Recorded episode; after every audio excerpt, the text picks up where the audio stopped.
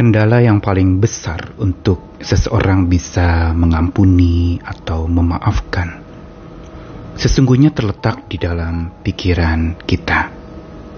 Apa yang ada di dalam benak, apa yang tersembunyi secara batiniah, yang orang lain mungkin tidak ketahui.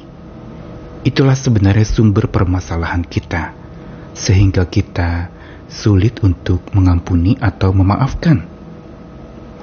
Begitu pula ketika pikiran kita yang masih dijejali oleh semangat menghakimi, yang merupakan satu tabiat terburuk dan yang membuat hubungan makin terpuruk, yaitu bila pikiran kita penuh dengan semangat menghakimi, penuh dengan tabiat untuk menilai orang atau merasa diri benar dan menganggap orang lain selalu salah. Ini semua tabiat-tabiat penghakiman yang sering kali ada dalam pikiran kita. Dan inilah sebenarnya kendala terbesar. Saya pernah membaca satu buku judulnya Let God Be Judge. Biar Allah menjadi hakim. Buku itu memaparkan bahwa Penyebab utama seseorang mengampuni bukan karena kurangnya kasih, tapi justru karena merasa diri adalah hakim dan mau jadi hakim atau main hakim sendiri.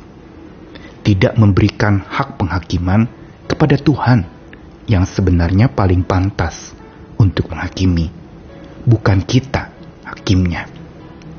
Saya Nikolas Kurniawan menemani lagi di dalam Sabda Tuhan Hari ini dari dua ayat di dalam Roma pasal 14 ayat yang keempat dan yang ke sepuluh.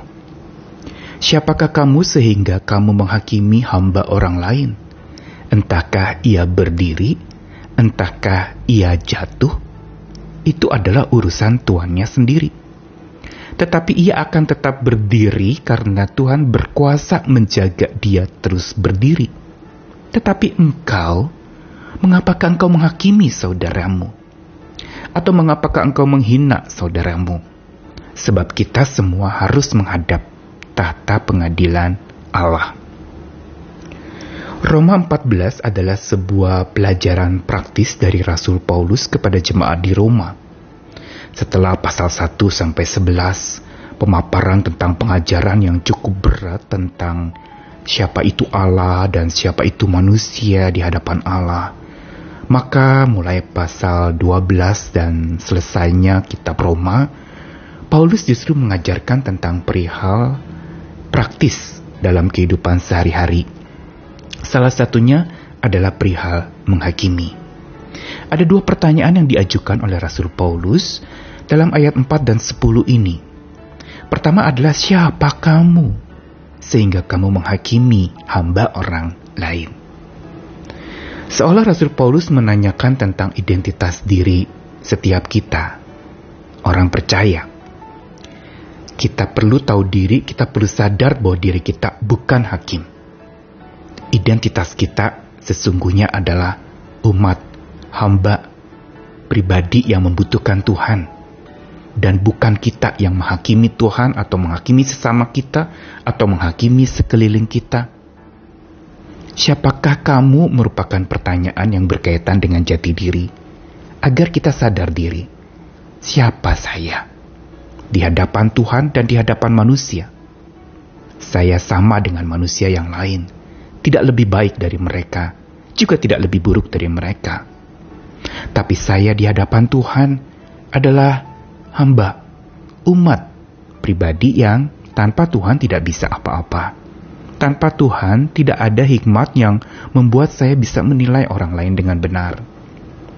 Lalu di dalam ayat 10, Rasul Paulus menanyakan lagi, tetapi engkau mengapa engkau menghakimi saudaramu?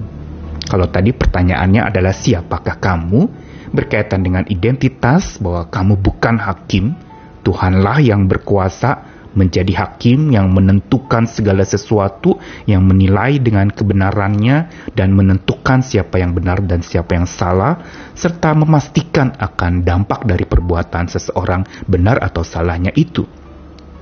Lalu pertanyaan kedua, mengapa engkau menghakimi saudaramu? Ini merupakan pertanyaan yang lebih mendasar lagi berkaitan dengan alasan seseorang menghakimi. Disejajarkan kata mengapa engkau menghakimi itu dengan mengapa engkau menghina saudaramu. Rasul Paulus ingin mengatakan bahwa yang namanya menghakimi itu sama dengan menghina. Karena menghakimi selalu menempatkan diri si hakim itu dalam posisi yang lebih tinggi daripada yang dihakimi. Berarti ada kesenjangan di mana kita merasa lebih baik dari orang lain, lebih benar dari orang lain, lebih tinggi dari orang lain, dan orang lain itu lebih rendah. Bukankah ini sebuah penghinaan?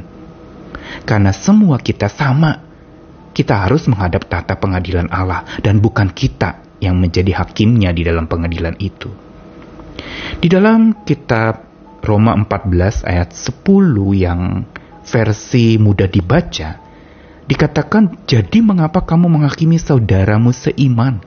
Mengapa kamu anggap bahwa lebih baik daripada saudaramu? Kita semua akan berdiri di hadapan Allah dan dialah yang akan menghakimi kita. Lebih tegas lagi dalam versi bacaan tadi bahwa mengapa kamu menganggap diri lebih baik daripada saudaramu? Kalau tadi bukan saja menghina, tetapi ini menganggap remeh, menganggap diri lebih baik Inilah sebenarnya penyebab seseorang sulit memaafkan atau mengampuni. Karena selalu merasa ada di atas angin, merasa dirinya lah yang paling benar, atau berbagai macam dalih dan alasan dikemukakan untuk membenarkan diri. Dan inilah sebenarnya penyebab rusaknya sebuah hubungan. Apa yang Rasul Paulus ingin katakan kepada jemaat di Roma adalah berkaitan dengan pikiran mereka bahwa pikiran yang masih dijejali dengan semangat menghakimi, menilai orang lain lebih rendah, menganggap diri lebih baik daripada orang lain, lebih benar dari orang lain, menghina orang lain, dan lalu kemudian meremehkan orang lain. Semua ini adalah pikiran-pikiran yang masih dijejali semangat menghakimi. Yang membuat kita, bila semangat menghakimi itu sudah memenuhi pikiran kita, kita akan menjadi tuli kita tidak bisa dengar lagi akan segala alasan orang lain karena sudah terkabuti mata kita, pikiran kita sudah terkabuti oleh semangat menghakimi tadi. Dan juga kita menjadi tidak peduli. Kita sudah merasa saya yang benar, dia yang salah. Dan kita sudah tidak mau peduli lagi dengan apa yang dikatakan. Kita mungkin akan mengatakan, sudah tidak perlu penjelasan lagi. Saya sudah tahu Kenapa kamu melakukan demikian? Dan kalau sudah berkata demikian, bukankah kita menempatkan diri sebagai hakim? Dan bukan saja semangat menghakimi yang menjejali pikiran membuat kita tuli, membuat kita tidak peduli, tetapi juga membuat kita tidak lagi jeli untuk memperhatikan orang lain. Sudah penuh dengan segala macam amarah dan kekerasan hati, tak ada lagi kelembutan, dan mata kita sudah tidak jeli lagi memperhatikan bahwa di balik segala pergumulan seseorang atau kesalahan yang dibuatnya, ada penyebab, ada sesuatu yang mendorong, ada pergumulan yang berat sampai dia akhirnya melakukan kesalahan itu. Di sinilah pentingnya kita menggunakan akal pikiran kita yang dijejali dan dipenuhi oleh semangat mengasihi, melayani, mengampuni. Karena dengan demikian kita akan menjadi buka telinga, tajam mendengar, peduli kepada mereka, dan jeli memperhatikan apa yang menjadi pergumulan orang yang sulit kita ampuni itu atau yang berbuat kesalahan kepada kita itu. Mari kita belajar untuk menyadari bahwa bukan kita hakimnya. Allah lah yang pantas menjadi hakim dan kita semua manusia tak satu pun yang tidak akan menghadap tata pengadilan Allah. Dia penentunya. Karena itu datanglah, berserahlah kepadanya dan biar Tuhan yang menjadi hakim karena memang bukan kita hakimnya. Selamat mengasihi lagi, selamat melayani, selamat mengampuni, memaafkan dengan kekuatan anugerah Tuhan. Amin.